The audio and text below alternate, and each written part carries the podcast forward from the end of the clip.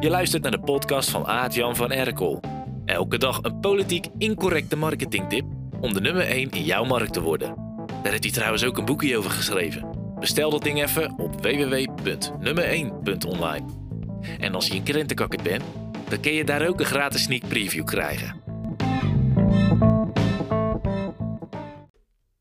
Het is een warme zomeravond.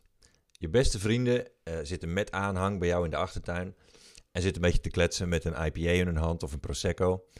En jij loopt rond met een bruin leren schort voor, omdat je de Big Green Egg hebt aangestoken. Er ligt een ribeye van een kilo te sissen op het gietijzeren rooster met een vleesthermometer erin. En je ziet op de app op je telefoon dat hij de juiste kerntemperatuur heeft bereikt.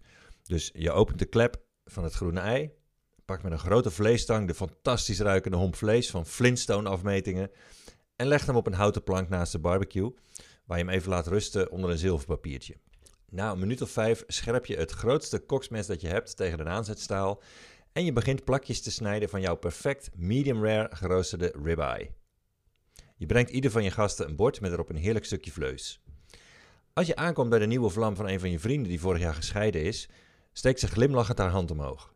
Nee, dank je, ik ben vegan. Je zegt sorry en je maakt de ronde af. Als iedereen zit te smakken en te koeren, ga je door met het snijden van een grote ribeye.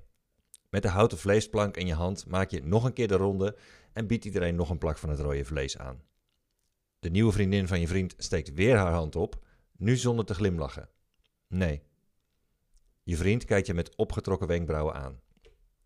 Als je de laatste ronde doet en opnieuw de vegan een stuk vlees aanbiedt, staat ze op, maakt een whatever gebaar en gaat naar de wc.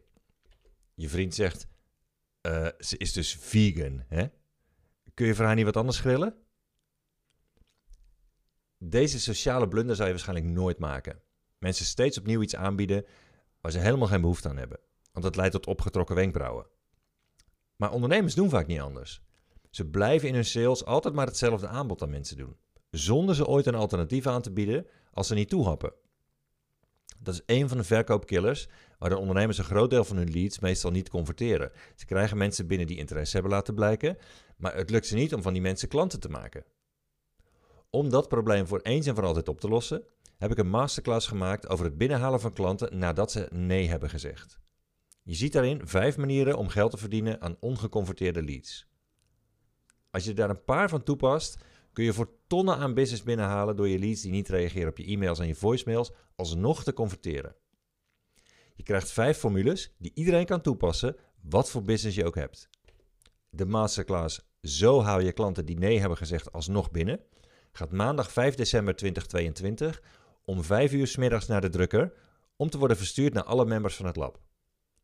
Wil jij hem ook in de bus krijgen? Start dan voor die tijd je membership via de pagina www.hetlab.online. Smakelijk! Oh ja, en als je dit hoort na maandag 5 december 2022, 5 uur, ga dan ook naar www.hetlab.online. Want dan vind je daar een gratis masterclass om het lab een keer uit te testen.